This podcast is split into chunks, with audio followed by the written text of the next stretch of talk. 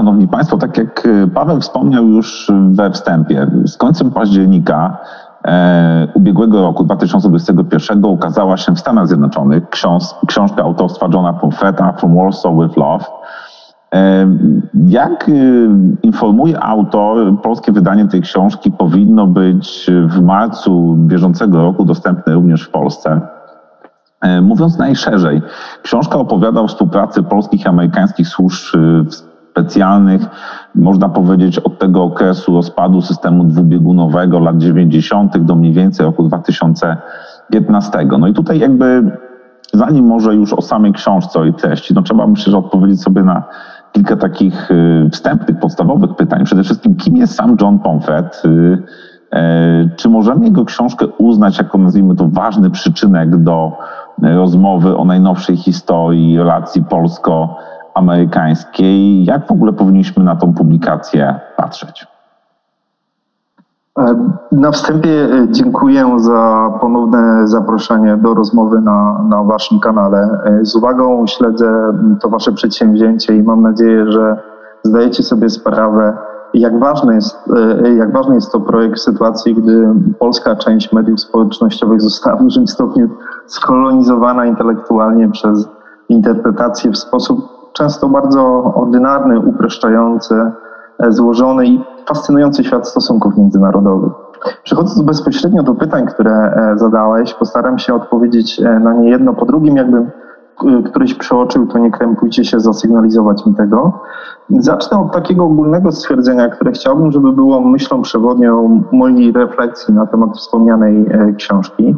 Bezapelacyjnie jest to książka ważna, warta przeczytania i wymagająca złożenia gratulacji autorowi za wykonaną pracę jest ważna z wielu powodów. Jednym z najwyraźniejszych z nich jest fakt, że pozwala nam odsłonić i umieścić w prawidłowym miejscu kilka, a może nawet kilkanaście puzli w takiej ogromnej układance, jaką jest rekonstrukcja relacji polsko-amerykańskich, w tym, w tym w szczególności tych relacji w obszarze współpracy wywiadowczej.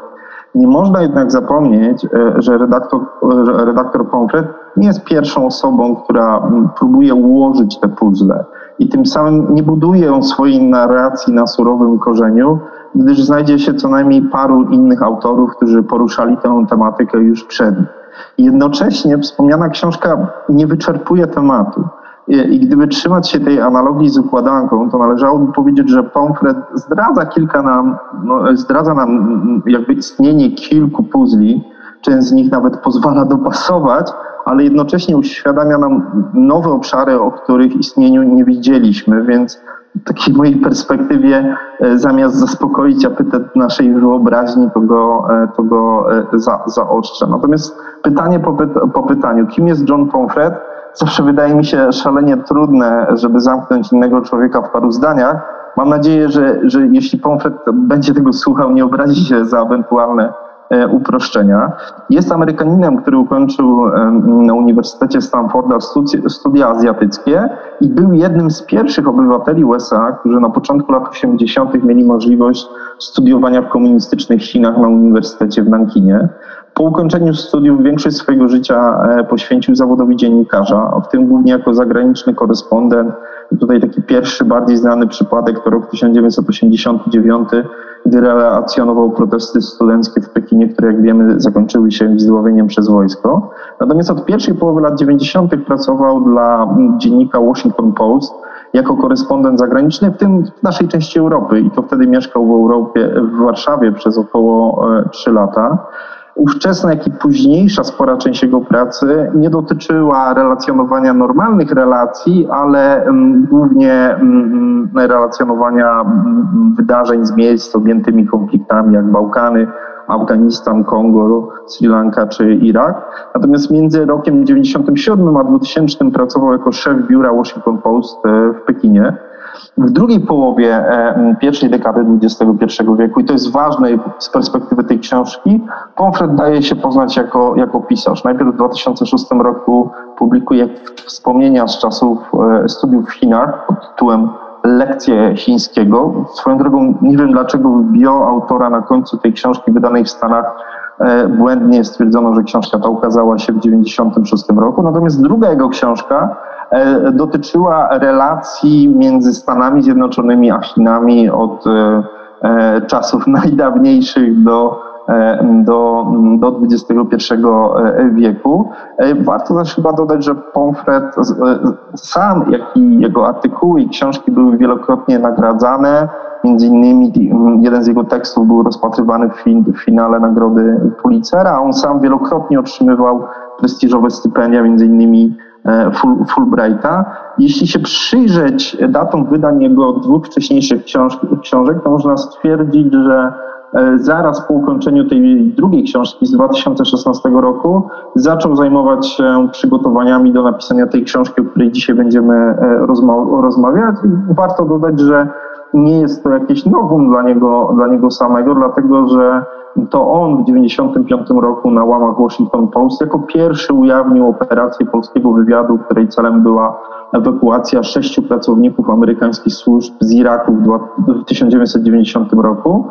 E, I na końcu e, tej książki, tej, tej, o której dzisiaj rozmawiamy, Konkret przyznaje, że już w 2011 roku podejmował próby zajęcia się tą tematką, ale pewne okoliczności temu nie sprzyjały i zmieniły się one dopiero w 2016 roku i możemy odbyć oddzielną rozmowę, dlaczego akurat wtedy e, te okoliczności zaczęły sprzyjać napisaniu tej książki. Natomiast jeżeli chodzi o drugie pytanie, czy możemy uznać, że ta książka jest jakimś ważnym elementem ważnym wkładem do historii najnowszej, e, jeżeli chodzi o relacje Polski i Stanów Zjednoczonych, to tak, jest ona ważna i ważna na kilku e, poziomach. Po pierwsze, e, jak najbardziej książka ta ma ważny wkład w historię pozimnowojennych relacji polsko-amerykańskich, w szczególności, że do chwili obecnej na polskim rynku księgarskim wcześniej nikt nie podjął się napisania takiej monografii. Mamy ciekawe książki o polityce USA wobec Polski w okresie zimnej wojny, autorstwa czy profesora Andrzeja Mani, czy profesora Jakuba Tyszkiewicza między innymi. Mamy doskonałe fragmenty o relacjach Polski-USA z momentu transformacji. Mówię tu o pracy profesora e, Pawła Kowala pod tytułem Koniec systemu władzy i monografii e, profesora Antoniego Dudka pod tytułem Od Mazowieckiego do Suchockiej. Do tego dysponujemy szeregiem prac na poły naukowych, na poły analitycznych dotyczących bieżących relacji polsko-amerykańskich, jak na przykład wspólne operacje wojskowe, czy nie wiem, budowa instalacji obrony przeciwrakietowej w Polsce. Z tej perspektywy praca Pomfreta jest pierwszą próbą pozbierania wielu różnych elementów, często już opracowanych, i ułożenia we, we wspólną e, całość. Oczywiście główną, osi główną osią narracji jest współpraca wywiadowcza, ale mocną pozycję zajmują również w tej książce kwestie współpracy wojskowej, czy szerzej współpracy w zakresie bezpieczeństwa. Pojawiają się też kwestie dotyczące spraw politycznych, a także, i to już w niewielkim stopniu, w bardzo dużym uproszczeniu, kwestie dotyczące relacji gospodarczych. Natomiast drugą przyczyną znaczenia tej książki, przynajmniej tak mi się wydaje, jest kwestia tego, że dotyczy ona roli, jaką odegrały Stany Zjednoczone w historii politycznej Polski, w szczególności w okresie tak zwanej transformacji politycznej. Książka ta potwierdza, może nawet poszerza to, co już wiemy z pracy o, o, o końcu systemu władzy profesora Kowala, o roli ambasadora Stanów Zjednoczonych, Johna Davisa, w rozwijaniu kontaktów między komunistycznymi władzami a opozycją komunistyczną poprzez innymi organizowanie spotkań latem 90, 1988 e, roku e, między opozycją a właśnie e, a władzami komunistycznymi i to miało jeszcze przed tym pierwszym znanym spotkaniem między, między Czesławem Kiszczakiem a Lechem Wałęsą z 31 sierpnia 1988 roku. Książka ta też wpisuje się w trwającą od dłuższego czasu debatę w Polsce na temat tego, jak wyglądała i jak powinna wyglądać transformacja Polski, jeśli chodzi o to, co zrobić z wywiadem, w szczególności z wywiadem zagranicznym. Monografia Pomfreta dostarcza amunicji jednej ze stron tej debaty i, jakby występuje zdecydowanie przeciwko drugiej stronie, ale nie chciałbym wchodzić w te wątki, bo o tym moglibyśmy urządzić oddzielną, oddzielną rozmowę. Natomiast trzeci element, na który podkreślić znaczenie tej książki, to kwestia tego, że nawiązuje ona do czegoś, co w Polsce dopiero się rozwija, co w języku angielskim nazywamy intelligence studies, co można by było przetłumaczyć jako studia nad wywiadem i co znajduje się na skrzyżowaniu studiów nad bezpieczeństwem i nauk o polityce. To jest ten obszar wiedzy, który zarówno bada same instytucje wywiadowcze, ich pracę, osiągnięcia, porażki, jak i też stara się także dostrzec rolę tych instytucji w systemie politycznym państwa. Na ile dostarczają informacji politykom, jak politycy wykorzystują te informacje, czy jak politycy ignorują te, e, te informacje. Tego typu, tego typu studia próbują jakby poszukiwać złotego środka między tymi badaczami, którzy w ogóle chcieliby zignorować e, e, kwestie wywiadu, twierdząc, że one są jakby rozmyte, niejasne, niczego w 100% nie, nie wiemy, a tymi e, osobami, które są zwolennikami takich monoczynnikowych teorii spiskowych, zgodnie z którymi wszystko, co dzieje się w stosunkach międzynarodowych, jest rezultatem zakulisowych e, działań służb wywiadowczych. Na Zachodzie tego typu wypośrodkowane studia rozwijają się dynamicznie od lat 70. XX wieku, czemu towarzyszą własne czasopisma, serie wydawnicze, programy studiów wyższych, czy własna sekcja badawcza w ramach Północnoamerykańskiego Towarzystwa Studiów Międzynarodowych. W Polsce tego typu studia, mm, jako odpowiednik badań zachodnich, dopiero raczkują w kilku ośrodkach e, badawczych. Obok oczywiście doskonale rozwiniętych badań związanych z komunistycznym aparatem bezpieczeństwa, II wojną światową, II Rzeczpospolitą, a także badaniami na temat penetracji polskiego wywiadu czy struktur państwowych przez obce e, wywiady. W tym kontekście książka napisana przez Pomfreta wskazuje chociażby na takie elementy, o które mi nie były znane. Jestem ciekaw, czy, czy któryś z badaczy w Polsce wcześniej to poruszał. To jest między innymi operacja Jedność, przeprowadzona w 1988 roku przez komunistyczne służby Polski, które w obliczu zagrożenia e, wynikającego z bezpośrednich rozmów sowiecko-zachodnio-niemieckich e, stawiały tutaj pytanie o, o kwestię przyszłych sojuszy Polski. I wydaje się, że ta operacja e, no, rodzi pytanie o to, czy właściwie dotychczas lokowaliśmy początki myślenia E, Polaków o, o, o członkostwie e, w NATO. Natomiast jak powinniśmy traktować tę publikację? E, może zacznę od tego, że w sensie pozanaukowym to jest kawał dobrej literatury typowy przykład tego, że anglosasi potrafią relacjonować rzeczywistość za pomocą wartkiej narracji, zgrabnie nakreślonych postaci oraz ciekawych spostrzeżeń, tak dotyczących historii, jak i e, współczesnej Polski, Polaków, Stanów Zjednoczonych i samych Amerykanów. Natomiast jeżeli chodzi o spojrzenie faktograficzne czy naukowe, to wskazałbym trzy punkty i na tym bym zakończył tą wstępną wypowiedź. Znaczy, po pierwsze, możemy spojrzeć na tą książkę z perspektywy dostępu do dotychczas tajnych dokumentów.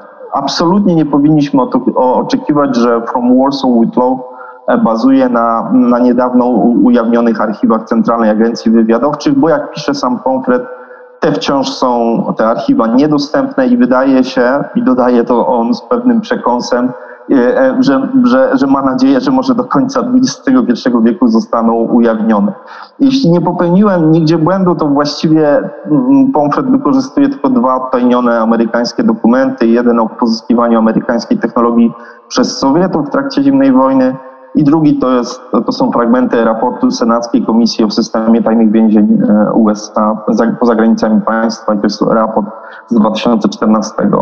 E, no, oczywiście też korzysta z ujawnionych depesz Departamentu Stanu, które wypłynęły na stronach Wikileaks przy okazji tak zwanej Cablegate z 2010 roku. Natomiast coś, co jest wielkim paradoksem, to o wiele więcej e, Pomfret wykorzystuje odtajnionych dokumentów z polskich archiwów, w związku z tym, że w ostatnich kilku latach Instytut Pamięci Narodowej na podstawie decyzji władz polskich ujawnił dokumenty dotyczące prac polskiego wywiadu, w tym zagranicznego w okresie w okresie PRL-u, w tym z początku transformacji politycznej w Polsce. W związku z czym Pomfret miał niesamowity dostęp do akt osobowych polskich oficerów, którzy współpracowali z USA w latach 90. i później, a nawet do teczek opisujących sam proces nawiązania współpracy między jeszcze formalnie wywiadem PRL-u, a Centralną Agencją Wywiadowczą, co zresztą nie było, nie jest jakimś wielkim nowum, bo mm, te, te, te nawiązanie relacji już po raz pierwszy opisał w 2010 roku Bartosz Węglarz. Po drugie, i wydaje mi się to jest ważniejsze, możemy przyjrzeć się tej pracy z punktu widzenia wywiadów, które Pomfret przeprowadził z pracownikami amerykańskiego, ale także polskiego wywiadu. W tym kontekście warto zwrócić uwagę, że w ogóle mm, pozyskiwanie informacji na podstawie rozmów, wywiadów jest, jest dość rzadkie w polskich badaniach nad, nad, procesami politycznymi, czy w ogóle nad, nad procesami też bezpieczeństwa. Ponadto trzeba zdać sobie sprawę, że nie wydaje mi się możliwe, aby którykolwiek z polskich badaczy był w stanie dotrzeć do amerykańskich oficerów wywiadu i przyprowadzić z nimi takie, e, a nie inne rozmowy, jak zrobił to Pomfret. Oczywiście nie chciałbym, żeby to prowadziło e, e, słuchaczy naszej rozmowy, że e, oficerowie wywiadu USA bez odtajniania dokumentów i pod własnym nazwiskiem zdradzają konkretowi tajemnicę Centralnej Agencji Wywiadowczej. Wydaje mi się, że raczej dostarczają oni mu szerszego tła pewnych, pewnych działań CIA z jednej strony, a z drugiej strony podają też pewne niewrażliwe, ale jednak szczegóły tego, tego procesu. I wydaje mi się, że na tym polega szczególna wartość tej książki. E, natomiast oczywiście nie ma też co ukrywać, że pewne rzeczy e, oficerowie wywiadu USA zataili przed Pomfretem, co zmusiło go do poszukiwania innych źródeł na temat relacji wywiadowczych między Polską a Stanami Zjednoczonymi. I tak na przykład kiedy piszą o tym, że Centralna Agencja Wywiadowcza na początku lat 90. przekazała polskim władzom listę funkcjonariuszy Urzędu Ochrony Państwa, którzy e, najprawdopodobniej współpracowali z rosyjskim wywiadem, to Pomfret powołuje się w tym momencie nie na oficerów CIA, tylko na, na książkę profesora Antoniego Dudka. I wreszcie po trzecie, tę pracę trzeba docenić w kontekście tego, że Pomfret wykracza poza samo relacjonowanie technicznych aspektów polsko-amerykańskiej współpracy wywiadowczej i stara się pokazać, gdzie ta współpraca jest w szerszych relacjach obu państw, w szczególności w sferze bezpieczeństwa czy politycznej. Tutaj kolejny raz mocną, mocną stroną książki są wywiady z amerykańskimi i polskimi politykami, którzy e, na przykład relacjonują, jaką rolę dla przekonania członków Senatu USA do ratyfikacji umowy o przystąpieniu Polski do NATO miały e, odegrać działania polskiego wywiadu na rzecz amerykańskich interesów. W każdym bądź razie po ukazaniu się przykładu tej książki czekać nas będzie bardzo ciekawa dyskusja w Polsce e, z udziałem historyków polskiej transformacji politycznej, e, polskich badaczy służb wywiadowczych, polskich analityków stosunków międzynarodowych, ale także myślę, że, że polskich oficerów wywiadów, którzy będą chcieli ocenić, na ile prawidłowo Pomfret zrelacjonował to, co oni w praktyce robili i dzięki temu pewnie dowiemy się, co nowego szczegółowo ta monografia e, wnosi, jeśli chodzi o analizowanie rzeczywistości, a gdzie obraz, jaki prezentuje ta książka, jest jedynie projekcją poglądów samego Pomfreta lub też jego niektórych rozmówców. Mówisz, y, no, zapowiadasz debatę. Ja mam, ja mam nadzieję, że ona będzie po ukazaniu się. Autor twierdzi, że w marcu polska wersja książki Pozdrowienia z Warszawy pewnie będzie miała tytuł, się ukaże. Intensywnie na to czekam i też polską wersję pewno przeczytam.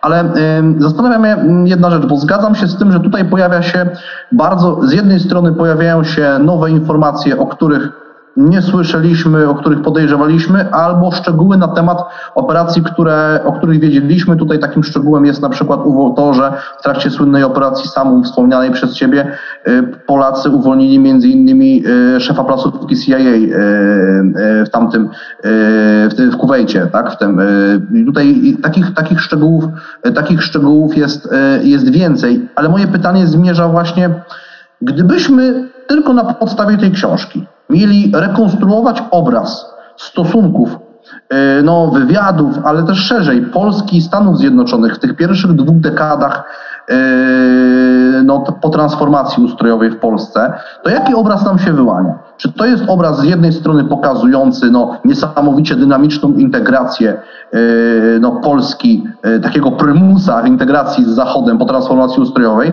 czy może jednak uprzedmiotowienia i jakby wyzbycia się na rzecz Stanów Zjednoczonych aktywów zbudowanych jeszcze przez, y, w okresie y, PRL i dzięki możliwościom wynikającym z bycia częścią bloku wschodniego, no i jakby spieniężenia tych aktywów na rzecz stosunków ze Stanami Zjednoczonymi, y, no, no, no, no, na rzecz wejścia do struktur zachodnich, no i tutaj się pojawi pytanie, czy, czy żeśmy na tym wygrali, czy, czy nie, na, na nie na pewno też nie, nie odpowiemy. Jak, jak sądzisz, jak ty to widzisz?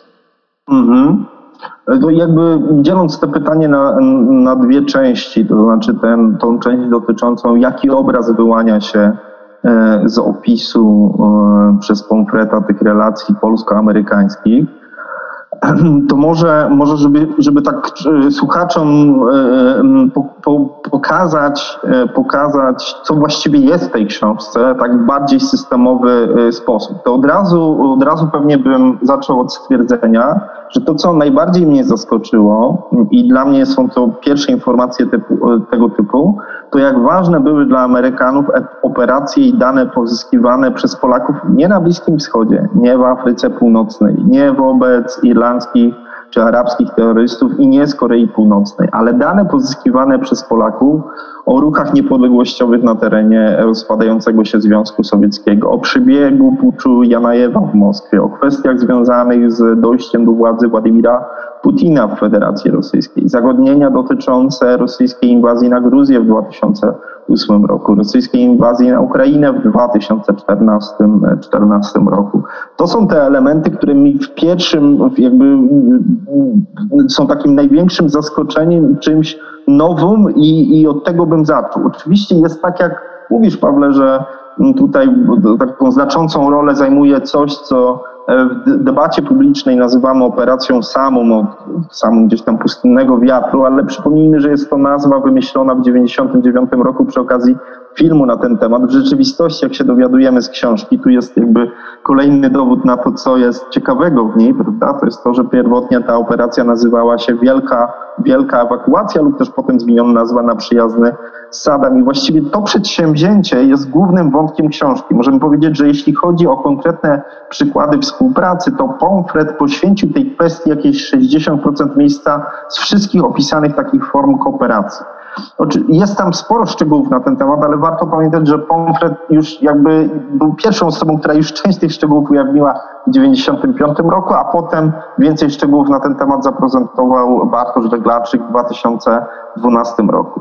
Nie chciałbym rozczarować y, potencjalnych y, czytelników, ale zaznaczę, że jeśli chodzi o inne operacje niż ta w Iraku w 90 roku, to niewiele jest tam mm, mm, opisanych dodatkowych spraw, o których nie wiedzieliśmy, albo też spraw, o, których nie wiedzieliśmy, ale są tam przedstawione. Afganistan i współpraca polskiego wywiadu w latach 90. widzieliśmy o tym na podstawie książek Aleksandra Makowskiego.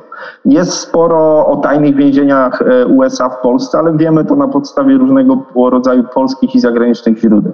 Jest wspomniana i, i nieco, nieco opisana operacja Most, ale na ten temat mamy szczególnie w ostatnich latach całkiem sporo źródeł. To, co chyba najbardziej zaskakuje mnie poza obszarem e, postsowieckim, to jest opisanie polskich operacji e, w Iranie i chyba to właśnie uważam za, za jedną z takich naj, najciekawszych, najistotniejszych rzeczy spoza obszaru postsowieckiego i tutaj przy okazji mała dygresja. Jestem zaskoczony, jak rzeczy opisane w te, przez Pomfreta są w korelacji z tym, co napisał były oficer polskiego wywiadu Wincenty Sywerski w swoich powieściach szpiegowskich. Jak się wydaje teraz po lekturze Pomfreta, wprost opisując operacje, w których brał udział, kiedy pracował w, dla, polskiej, dla, polskiej, dla polskiego wywiadu. Jeżeli chodzi o, o, o operacje w Korei Północnej, no to może znajdziemy na ten temat dwie strony. Kuba, jeden akapit, Jugosławia, jedno zdanie i opisanie operacji Grom z połowy lat 90. Libia, jeden, dosłownie dwa, dwa akapity. Jeżeli chodzi, chodzi o stacje nasłuchowe Amerykanów w Polsce, wiemy od nich od 2011 roku, ba nawet telewizja TVN wskazała lokalizację, której swoją drogą nie wymienia, nie wiem dlaczego Pomfret. Jeżeli chodzi o działalność w Polsce Foreign Broadcast Information Service, wiemy o tym co najmniej od paru lat w związku z odtajnieniem dokumentów przez, przez IPN. Nigeria, Sudan, Angola, Palestyna, no Pomfret o tym pisze, ale wymieniając te miejsca, nie, nie dostarczając jakby żadnych szczegółów w tej sprawie. Nawet te, te rzeczy, które mnie najbardziej interesują, czyli jakby pozyskiwanie przez polski wywiad danych z obszaru postsowieckiego, to się zamyka w kilku stronach. Już nie mówię tutaj o, o wskazanej, to, to wydaje się też być fascynującym wątkiem, współpracy Polaków z wojskowym odpowiednikiem Centralnej Agencji Wywiadowczej, czyli z Agencją Wywiadu Obronnego Defense Intelligence Agency. Pomfret o tym pisze, ale dosłownie w dwóch, trzech akapitach właściwie nie wskazując żadnych, żadnych, żadnych szczegółów. I to by to jakby tak, tak streszczając mięso, które jest w tej, w tej książce. Natomiast kiedy mówisz o, o, tych kwestiach związanych z tym, jak powinniśmy to rozpatrywać i jak powinniśmy o tym, o tym myśleć, to wydaje mi się, że um, nie, nie, powinniśmy iść tutaj w te, w te uproszczone, e, uproszczone takie stwierdzenie, że był to układ nad wyraz jednostronny. Nie wiem, czy to jest ten moment, w którym możemy powiedzieć już o tej metaforze e, małżeństwa z hipopotamem. Czy to jest ten, Pawle, moment już? Że... Tak, to jest ten moment, to jest ten moment. Ten moment, dobrze, okej. Okay. To powiedzmy sobie, że, że Pomfret e, po pierwsze wspomina o tej metaforze, metaforze w, we wstępie i tak tytułuje ostatnią, czwartą część książki, która jest jakby refleksją na temat współczesnych relacji polsko-amerykańskich, jak i też e, zawiera krótki rozdział, który jest podsumowaniem e, tego sojuszu polsko-amerykańskiego w obszarze e, służby wywiadowczych. I powiedzmy sobie, że Pomfret tutaj przytacza wypowiedź ówczesnego ministra spraw zagranicznych Radosława Sikorskiego z 2012 roku, podczas Wrocław Global Forum, gdzie stwierdził on, że sojusz Polski z USA można porównać do relacji między człowiekiem a hipopotamem leżącym w błocie. Najpierw jest miło i przyjemnie, człowiek ma poczucie bezpieczeństwa. W pewnym jednak momencie hipopotam postanawia się odwrócić, zmienić pozycję, co może skutkować e, e, nieświadomym zgnieceniem człowieka przez hipopotama. Sikorski zakończył tą, tą, tą historię, która swoją drogą wywołała ogromną radość na sali e, i tą, tą, tą historię o tej jakże poetyckiej metaforze stwierdzeniem, że człowiekowi, tak jak Polsce, pozostaje wtedy nic innego, jak tylko krzyczeć do hipopotama, że jest przygnieciony. I mm, jakby E, co, co ciekawe, Sikorski zaczyna prezentację tej metafory, metafory o tym, jak to jest być sojusznikiem USA, od stwierdzenia, że tą metaforę usłyszał po raz pierwszy od jednego z urzędników amerykańskich, ale nie z administracji USA z 2012 roku, nie z administracji Baracka Obamy, ale z administracji jego poprzednika George'a Busha młodszego. Warto pamiętać, i o tym też pisze Pomfret, że administracja Busha e, młodszego wymogła na Polsce otwarcie tych tak zwanych więzień, a potem przyczyniła się, e, tak zwanych tajnych więzień, a potem przyczyniła się do ujawnienia informacji na ten temat. Z kolei administracja Baracka Obamy to reset w stosunkach amerykańsko-rosyjskich i początek zwrotu, ku Azji, czemu towarzyszyło wycofanie sił zbrojnych USA, części sił zbrojnych e, USA z Europy. Mało tego, tuż przed, przed wygłoszeniem tego tej metafory przez Sikorskiego, e, e, Barack Obama wręczając pośmiertnie order Janowi e, Karskiemu, właściwie Kozielewskiemu, użył sformułowania polskie obozy zagłady. I tu właśnie w tym kontekście takich napiętych relacji polsko-amerykańskich pada wypowiedź Sikorskiego, jakby, który chce pokazać, że Amerykanie nie do końca świadomie często realizując jakieś swoje globalne interesy, działają na niekorzyść Polski, co zmusza nas do gwałtownych protestów w tej, e, tej, w tej sprawie. I wydaje się, że Pomfret posługuje się tą metaforą po to, żeby wytłumaczyć pewnie za chwilę polskiemu czytelnikowi, ale wydaje się, że w szczególności amerykańskiemu czytelnikowi, i na to w ogóle zwraca uwagę recenzja tej książki Washington Post, że mm, mm, często ta współpraca Polski z USA, w tym dotycząca współpracy wywiadowczej, powoduje frustrację strony polskiej w związku z nieprzemyślanymi działaniami podejmowanymi przez, e, przez Amerykanów. Natomiast jakby nie chcąc powiedzieć, że ta metafora jest najlepszym możliwym ujęciem relacji polsko-amerykańskich opisanych przez Pomfreta, to chciałbym zwrócić uwagę na dwa trafne spostrzeżenia tej metafory. Po pierwsze, to, to kwestia takiej danej odgórnie dysproporcji potencjałów między owym człowiekiem a hipopotamem, czy między, jeżeli przenosić tą analogię na stosunki międzynarodowe między Polską i USA. Pomfret wprost w jednym miejscu swojej książki przytacza wypowiedź Sikorskiego, który mówi o tym, że Polska dla USA znaczy mniej więcej tyle, co Gruzja dla, dla Polski, żeby takie zrozumieć, zrozumieć porównanie.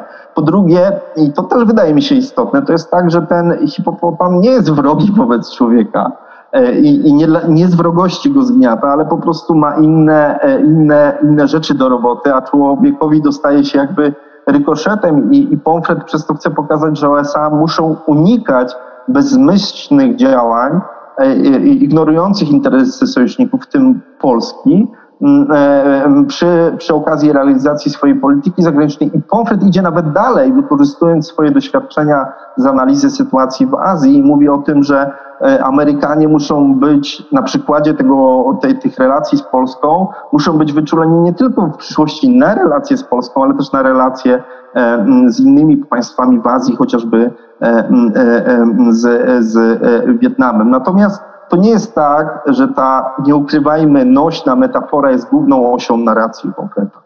Bo w ramach poszczególnych rozdziałów, jak, jak i we wnioskach końcowych, jasno wskazują, że zarówno dla Polaków i dla Amerykanów sojusz wywiadów jest czymś po pierwsze naturalnym i obie strony znacząco na nim skorzystały.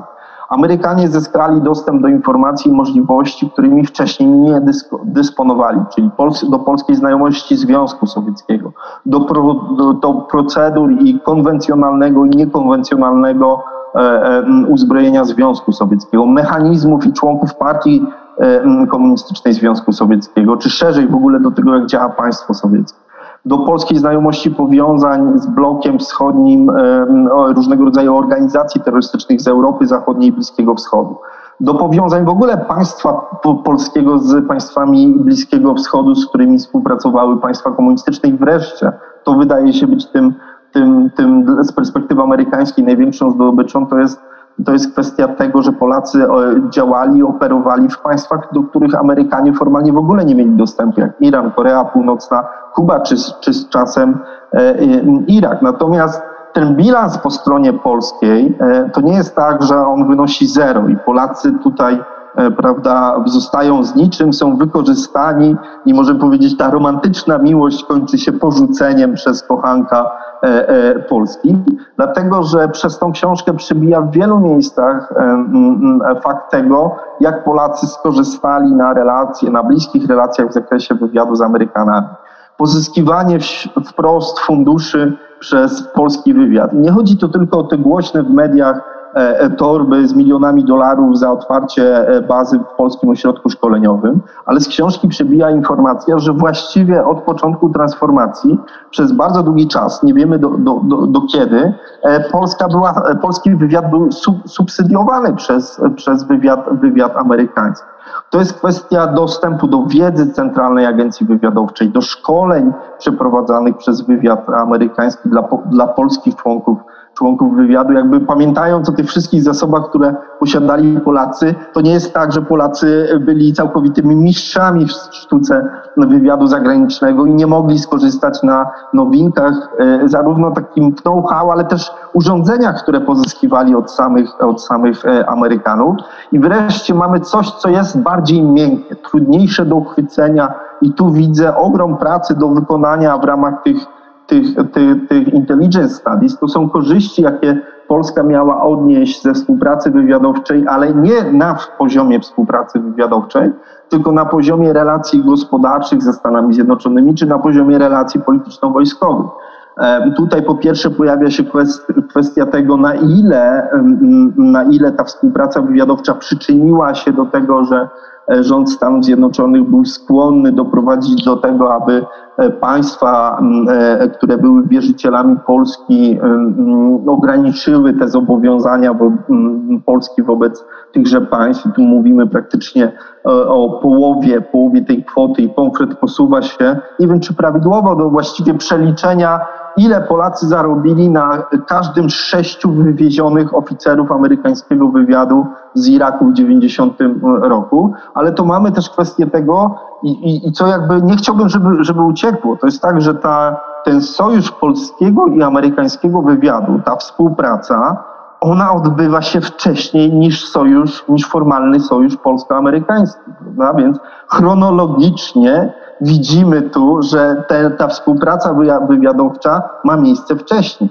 W związku z tym i Pomfret idzie w tą stronę i przytacza szereg wypowiedzi amerykańskich polityków, którzy mówią, to miało znaczenie. To znaczy ten wcześniejszy sojusz wywiadowczy był jedną z cegiełek, bo żebyśmy też nie popadli w drugą, w drugą, w drugą stronę wersję o tym, że to rozstrzygnęło o dołączeniu Polski do NATO, bo było wiele, wiele warunków, które Polska musiała spełnić, ale to jakby się przyczyniło e, e, do tego. Jakby tutaj pewnie bym, pewnie bym poszedł w takie, w takie dwa elementy, którymi chciałbym zakończyć te, te rozważania. To znaczy, po pierwsze, zaciekawiło mnie spostrzeżenie Pomfreta, w którym który odnosi się do tej analogii z hipopotamami na końcu i mówi o tym, że Trzeba pamiętać, że są też inne, inne tego typu hipopotamy w, w tym basenie z błotem. I nie wiem, czy on chce, chce przez to powiedzieć, żeby Polacy zdawali sobie e, e, e, sprawę z tego, że pewne niekorzystne trendy w relacjach polsko-amerykańskich, naturalnie wynikające z dysproporcji między Polską a Stanami Zjednoczonymi, nie są tak niekorzystne, jakby były niekorzystne, gdyby Polakom przyszło leżeć w tym błocie obok innego dużego hipopotama. Czy też Pomfret pisze o tym innym hipopotamie do amerykańskiego odbiorcy, żeby on sobie zdał sprawę, że jeżeli mm, amerykańskie elity nie będą w stanie rozumieć e, polskich interesów, interesów swojego sojusznika, to e, e, ten człowiek może się położyć obok innego, innego hipopotama i jakby może zmienić tego, z, czyjej, z, kim współpracy korzysta. Natomiast e, to, to byłby ostatni punkt. Wydaje mi się, że gdyby mówić o tym małżeństwie z hipopotamem, swoją drogą Pomfret pisze o małżeństwie z hipopotamem, Sikorski nigdy nie powiedział o małżeństwie mówi o tym leżeniu w błocie. Natomiast e, wydaje mi się, że, że, że jeżeli szukamy analogii e, e, relacji polsko-amerykańskich, jeżeli chodzi o różnego rodzaju formy małżeństwa, to o wiele trafniejsze wydaje mi się i przytoczone w książce Pomfreta porównanie, jakie czyni znany brytyjski intelektualista Edward Lucas, który mówi o tym, że sojusz polsko-amerykański w tym obszarze współpracy wywiadowczej nie powinien być oceniany z perspektywy jakichś romantycznych idei, ale powinien być postrzegany jako świadomy związek dwóch podmiotów, które uznały, że dwustronna współpraca ułatwi radzenie sobie z wyzwaniami, jakie niesie, niesie świat. I, I, bardziej, bardziej ta analogia byłaby mi bliższa niż ta o hipopotamach. To Tomku, jak pozwolisz jeszcze w kontekście właśnie tego, o czym mówiłeś i tego, jak skonkludowałeś swoją wypowiedź w kontekście tych analogii, których używa Pomfret w swojej książce, e, no bo wydaje mi się, że dla naszych jakby też widzów istotne jest to, żeby zrozumieć właśnie tą perspektywę, że za, zawężenie myślenia o relacji polsko-amerykańskich w tym czasie, tak, do perspektywy współpracy wywiadowczej jest oczywistym błędem, bo tutaj bardzo łatwo będzie wytnąć pewną asymetrię, no bo jeżeli byśmy nawet już chcieli zrobić krok wstecz, tak, i zastanowić się, jakim narzędziem są w ogóle służby specjalne dla państwa w kontekście e, oceny środowiska międzynarodowego, tak, w kontekście zabezpieczenia swoich interesów. I tutaj nawet dojdziemy do konkluzji.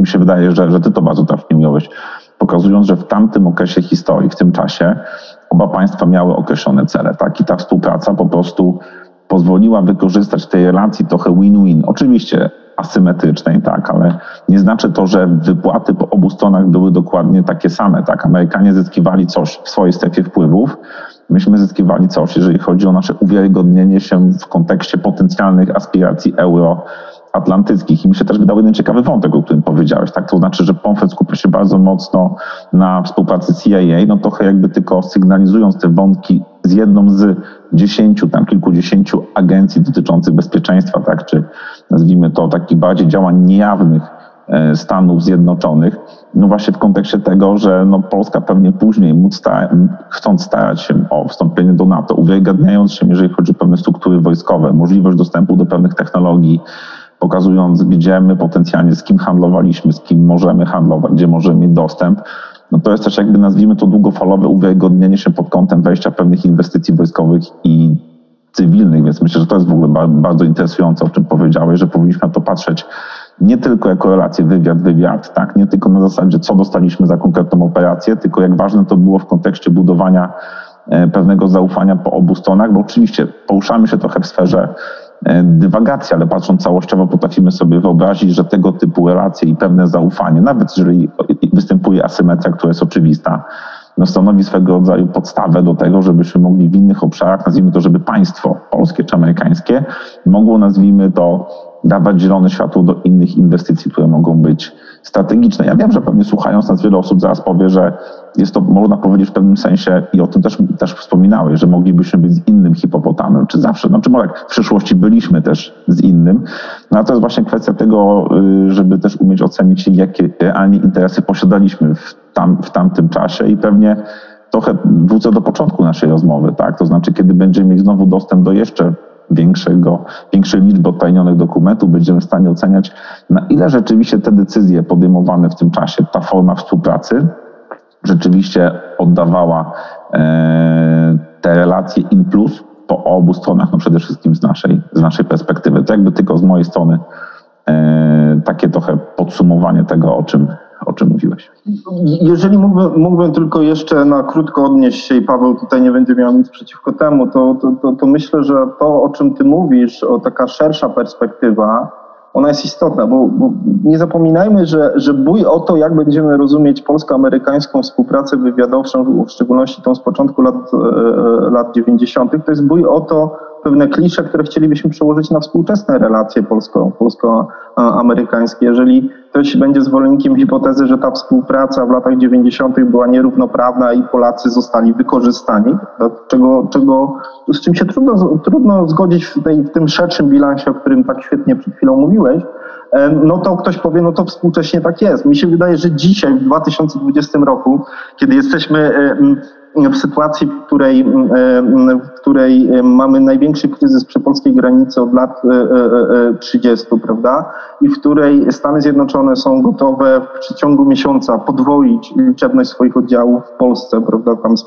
z około 5 do 10 tysięcy. Rozmieścić je nie gdzieś daleko przy granicy z Niemcami, żeby szybko mogły zostać ewakuowane, tylko tuż przy granicy, w miejscu, gdzie jest największe zagrożenie tego, że destabilizacji na polskiej granicy, no to świadczy o tym, że to coś, co zaczęło się w tych latach 90. jako współpraca wywiadowcza trwa i ma silne fundamenty e, do dzisiaj. Natomiast dla, dla zwolenników innych hipopotamów, dla zwolenników polityki wielowyktorowej, dla zwolenników grania na wielu fortepianach, bo taka metafora też gdzieś się tam pojawia. No ja, ja dzisiaj jestem zmuszony zapytać, ile, ile, ile e, sił zbrojnych jest w stanie wysłać Chińska Republika Ludowa na, na, do ochrony polskich, polskich granic, prawda? Bo to jest między innymi często pojawiający się ten inny hipopotam, z którym mielibyśmy współpracować.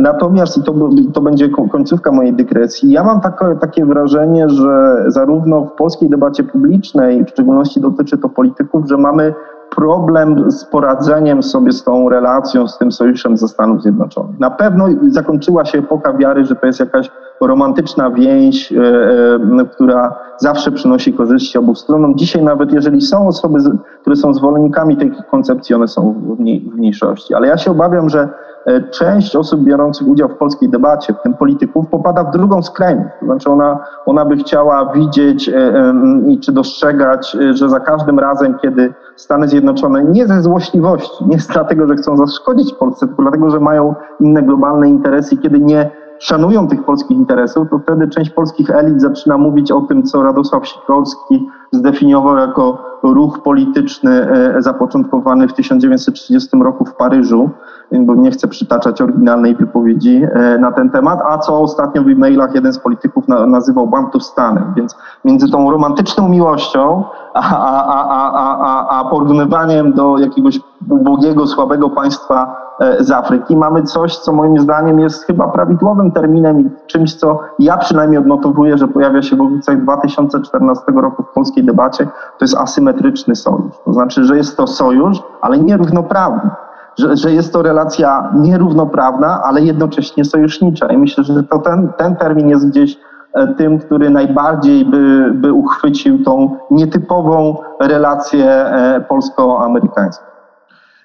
W zasadzie odpowiedziałeś na pytanie, które chciałem Ci zadać, bo chciałem właśnie zapytać o to, czy, no bo książka opowiada przede wszystkim o okresie od wiosny 90 roku do w zasadzie 2015 roku. Oczywiście tam są po, pewne oceny, pewne opisy dotyczące okresu po 2015 roku, ale raczej takie normatywne, już nie, nie, nie są to takie analityczne opisy. Y, I ja chciałem zapytać, czy te specjalne relacje o których pisze Pomfret, no utrzym, utrzymały się dalej, ale z tym, co powiedziałeś, ja się w pełni, ja się w pełni zgadzam, że, że chyba, y, że ten no, sojusz asymetryczny i, i no, nie mo, wydaje mi się, że to, to, to jakby fakty potwierdzają istnienie no, pewnego rodzaju współpracy strategicznej, asymetrycznej między Polską e, a Stanami Zjednoczonymi, no właśnie kryzysy to pokazują e, najbardziej dobitnie, więc ja cię zapytam o inną rzecz, no bo e, gdybyś miał możliwość, no czego ci brakuje w książce Pomfreta, albo co cię, co ci, co wiesz, co, co, które, który z tych znaczków, tropów, które Pomfret gdzieś tam pozostawił w akapitach, niedopowiedzeniach, czasami sugestiach, by cię interesował i gdybyś mógł go dopytać, albo gdybyś mógł poznać, co mhm. tam za tym jest, to co byś, co byś wskazał. Pewnie nie jedno, ale takie najważniejsze rzeczy. To, to, to, to mm, dziękuję za, za, za, za, pytanie, które, które, na które jest mi szalenie łatwo odpowiedzieć w kontekście tego, jakich materii w stosunkach międzynarodowych jestem freakiem, czym się interesuję. Natomiast jeszcze chwilę do tych do tego, do tego pytania o to, czy ten sojusz wywiadowczy trwa do dzisiaj. Oczywiście e, to jest trudne pytanie, bo dotyczy obszaru, który jest ze swojej natury niejawny i pewnie za 25 lat, 50 i 70 5, bo to w uproszczeniu są progi, po jakich Stany Zjednoczone odtajniają materiały wywiadowcze, będziemy mogli na to odpowiedzieć, czy w 2020 roku ta współpraca tak wyglądała mm, e, silnie jak wtedy. No oczywiście chyba, że, że ktoś w Polsce wpadnie na pomysł zlikwidowania kolejnej agencji wywiadu i ujawnienia jej, e, jej operacji, czego nie życzę e, państwu, państwu polskiemu. Natomiast mamy szereg poszlak, które wskazują, że ta wy, współpraca wywiadowcza trwa do dzisiaj.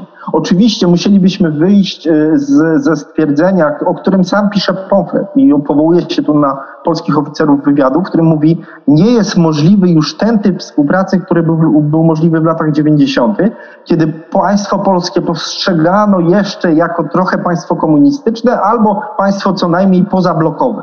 To już nie jest możliwe, bo służby na całym świecie wiedzą, że, że, że państwo polskie jest sojusznikiem Stanów Zjednoczonych. W związku z tym ich kontrwywiady muszą traktować polskich oficerów wywiadu, e, polskich e, przedstawicieli sił zbrojnych, dyplomatów, a nawet obywateli jako potencjalnie, potencjalnie e, działające na korzyść interesów Stanów Zjednoczonych. I to mm, bez, bezapelacyjnie się skończyło.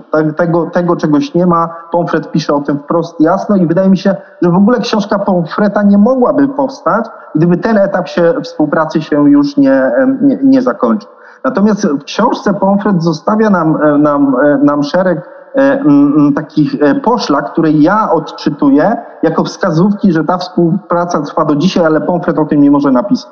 Po pierwsze, e, to, są to te miejsca, w których Pomfret pi, pisze tak, skupiam się na latach 90. Pokazuję głównie operacje z lat 90., ale czytelniku pamiętaj, że, te, że tak, tego typu operacje były realizowane i w pierwszej dekadzie XXI wieku, e, i w drugiej dekadzie XXI wieku, i tego nam nie pisze, i pewnie są realizowane także w trzeciej dekadzie XXI wieku.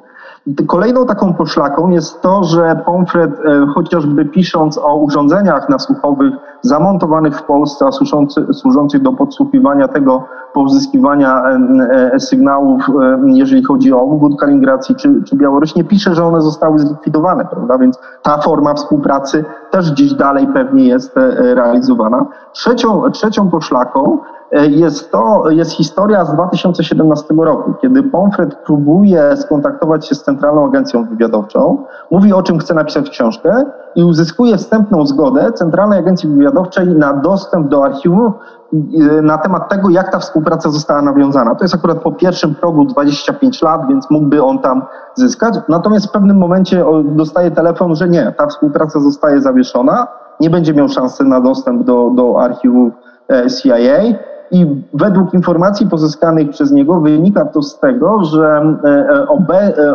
ówczesne, ówczesne władze Stanów Zjednoczonych obawiały się, że ujawnienie tego typu informacji, informacji gloryfikujących do pewnego stopnia no, ówczesnych funkcjonariuszy polskiego wywiadu, no, a którzy to funkcjonariusze obecnie są, są, są obarczani nadmiernym związkiem z, z PRL-em, no spowoduje, że władze Polski zawieszą współpracę wywiadowczą z Amerykanami. Czyli ta współpraca był, w 2017 była na tyle warta obrony, że warto było zablokować y, y, Pomfretowi dostęp do archiwum. Wreszcie kolejną poszlaką jest to, że Pomfret pisze y, o sprawach z ostatnich 10 lat, które są do dzisiaj aktualne. Pomfret pisze o tym, że Polacy dostarczyli ważnych danych wywiadowczych jeżeli chodzi o 2014 rok, o rosyjską inwazję na Ukrainę, aneksję Krymu i, i, i tą, tą pośrednią kontrolę za pomocą dwóch marionetkowych państwek na wschodzie, na wschodzie Ukrainy. Więc jakby dzisiaj, w 2020 roku, kiedy, kiedy tak dramatyczne e, wydarzenia mogą nas czekać, jeżeli chodzi o Ukrainę, no wręcz oczywistym jest, że ten e, e, wywiad amerykański z Polskim współpracuje.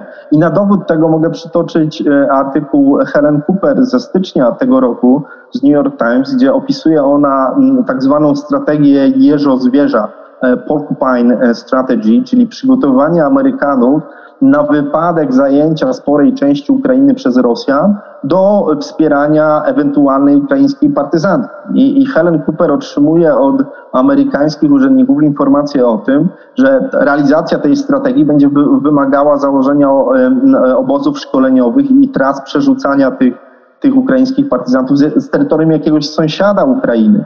Prawda? I tam jest wymieniana Polska. No trudno uznać, że trudno byłoby uznać, że Amerykanie robiliby przecieki do, do prasy o ewentualnym, bo cały czas mówię, że to, to są spekulacje, nie wiemy, czy tak w rzeczywistości będzie, o, o współpracy polsko-amerykańskiej na terenie Polski e, przeciwko rosyjskim interesom na Ukrainie, gdyby nie było już teraz tej, tej, tej zaawansowanej współpracy wywiadowczej.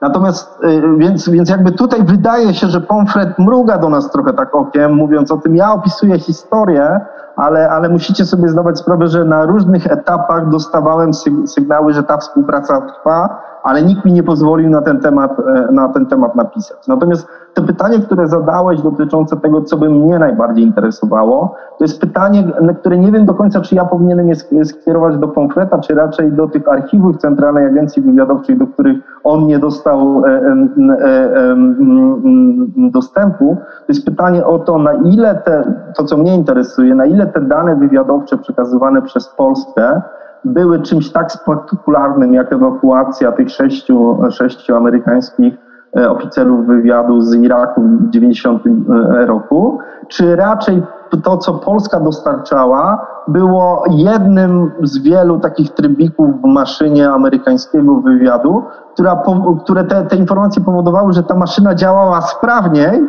ale gdyby ten trybik wyjąć, to, to jednak by to wszystko dalej, dalej pracowałoby sprawnie. To by było to pierwsze pytanie. Natomiast drugie, ono jest odwrotnością, to jest to, na ile dane wywiadowcze i w ogóle jaki był ich zakres dostarczany przez Amerykanów Polakom, e, wpłynęły na pewne decyzje e, polskich władz, jeżeli chodzi o politykę zagraniczną bezpieczeństwa.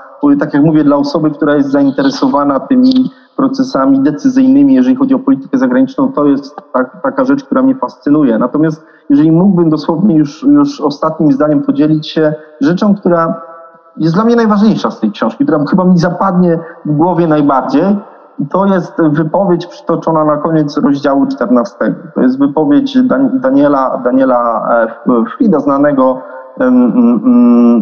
amerykańskiego dyplomaty, obecnie komentatora w, stosunku, w stosunkach polsko-amerykańskich, który opisując profesjonalizm polskich służb wywiadowczych powiedział, i tu otwieram, otwieram cytat, mam nadzieję, że nie pomylę, że takie państwa jak Polska nie mają wyjścia, muszą mieć profesjonalny wywiad, bo w przeciwnym wypadku, i to podkreślam, przestają, przestają istnieć. Czyli, że dla państw średniego rzędu, jakim jest, jest Polska, sprawny wywiad, nieważne czy współdziałający z Amerykanami, czy nie współdziałający, e, często przesądza o istnieniu tych państw i chciałbym, żeby e, przyszli czytelnicy polskiego wydania tej książki, w szczególności decydenci, wzięli do serca tą rzuconą na boku, jakby w zupełnie innym kontekście uwagę Frida, żebym co roku na zajęciach z analizy polityki zagranicznej, kiedy rozmawiamy o roli wywiadu w procesach decyzyjnych, nie musiał tłumaczyć moim studentom, dlaczego państwo polskie ma, przewiduje mniejszy budżet dla agencji wywiadu niż jeden e, film z serii niż budżet jednego z filmów serii e, przygód o Jamesie e, Bondzie. I może znaczy, na tym bym zakończył. Znaczy, Tomku, jak znowu mogę jedno adwocem, bo znowu mi się, znaczy to właśnie to skupienie uwagi dotyczące tej konkluzji, że no państwa, tak jak Polska nawet, tak, bo mówimy jakby nie o państwie, które ma e, no, aspiracje wpływania na kształt systemu międzynarodowego, tak jak czynią to te państwa pierwszego planu, musi mieć ten wywiad i to jest jakby informacja, żeby mógł istnieć. Nie? Znaczy, ja myślę, że to jest w ogóle temat na inną rozmowę, ale no właśnie, czy to w ogóle nie jest dzisiaj tak naprawdę konieczny element, kiedy mówimy o współczesnej suwerenności państwa, nie? To znaczy, na ile w ogóle, nazwijmy to ta klasyczna suwerenność prawno-międzynarodowa, która zdewaluowała się tak w kontekście bardzo wielu już wydarzeń, a na ile właśnie nazwijmy to nowe definiowanie, czym jest suwerenność i jak ważne właśnie jest myślenie o tym w kategoriach posiadania tego typu narzędzia, tak? No bo jakby myślę, że, że to w ten sposób trzeba. Bo tak, bo to jest też w ogóle bardzo ciekawy temat, na ile to jest narzędzie polityki, na ile to jest pewien czynnik politykotwórczy, tak, jeżeli chodzi o nie tylko interpretację tego, co dzieje się na świecie, ale także politykę wewnętrzną. Ale to jakby tylko mówię, znowu to jest coś, co ja, ja, ja znalazłem w Twojej wypowiedzi, co jest w ogóle z mojej perspektywy bardzo, bardzo interesujące i warte na pewno rozwinięcia może w jakiejś kolejnej rozmowie, to, to, może, to może tyle, jeżeli chodzi o mnie. To Tomku, to ja ze swojej strony y, chciałbym Ci podziękować. Tak widzisz, myślę, myślę o tym, y, znaczy mam wiele myśli w głowie. Najważniejsze wydaje mi się to, że rzeczywiście jestem ciekaw, czy y, publikacja polskiego wydania tej książki będzie początkiem, oczywiście znajemy proporcje, ale debaty w gronie ekspertów, może uzupełnionej o publicystów zajmujących się, y, się światem służb, polityki międzynarodowej i bezpieczeństwa międzynarodowego. Jeżeli, tak, jeżeli taka debata przy dzisiejszym chaosie informacyjnym wcale nie jestem tego pewny, ale mam taką nadzieję, mam nadzieję też, że wtedy nasza rozmowa będzie też jakimś, może nawet jednym z pierwszych elementów tej, tej debaty.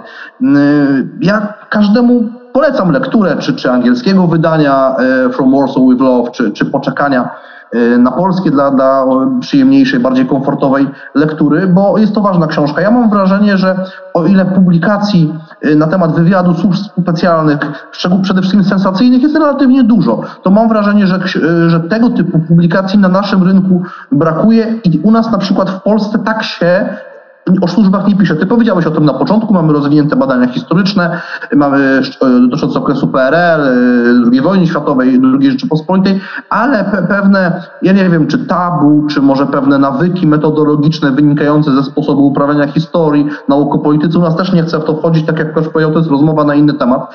E, ja ze swojej strony Ci bardzo dziękuję za, za Twój czas, za Twoją wiedzę, za to, że po raz kolejny zechciałeś się nimi z nami podzielić. Mam nadzieję, że po raz kolejny yy, i że to nie tylko do trzech razy sztuka będzie, zgodzisz się przyjąć nasze, nasze zaproszenie. Yy, a wszystkim, którzy nas oglądali, słuchali, z jednej strony zapraszam do lektury książki, zapraszam do komentowania tego, tej naszej rozmowy, do zadawania pytań w komentarzach, yy, na które będziemy starali się odpowiadać. No i, no i jakby czekamy, czekamy co, co, się, co się stanie, czekamy na polskie wydanie. Dziękuję bardzo za, za, za rozmowę. Myślę, że to, że, że byliście gotowi zorganizować rozmowę na temat tej książki, to jest w jakiś sposób pionierskie, bo no tutaj trochę minutę, minutę, dwie przed naszą rozmową wskazaliśmy, że, jest, że już pewna recepcja pojawiła się w mediach ogólnopolskich, ale raczej taka, taka jednowymiarowa, bez, bez, bez sięgania do tego, co jest istotne w tej książce. Wydaje mi się, że trochę tej debaty będzie, kiedy książka stanie się dostępna w języku polskim, ale podzielam też E, też, też Pawle, Twoje obawy, że, że może się tak nie stać, a jeżeli się stanie, to będzie to debata jednowymiarowa. Tym bardziej przyjemnie było mi z Wami porozmawiać szerzej o tej książce z cichą nadzieją, że może ta nasza dzisiejsza rozmowa będzie zaczynem e, bardziej, bardziej szerszych debat na temat tej książki niż tylko to, czy ona się wpisuje, czy nie jakieś takie plemienne wojny, które toczymy w Polsce, jeżeli chodzi o postrzeganie naszej historii. Dziękuję bardzo. Dziękuję. Dziękujemy.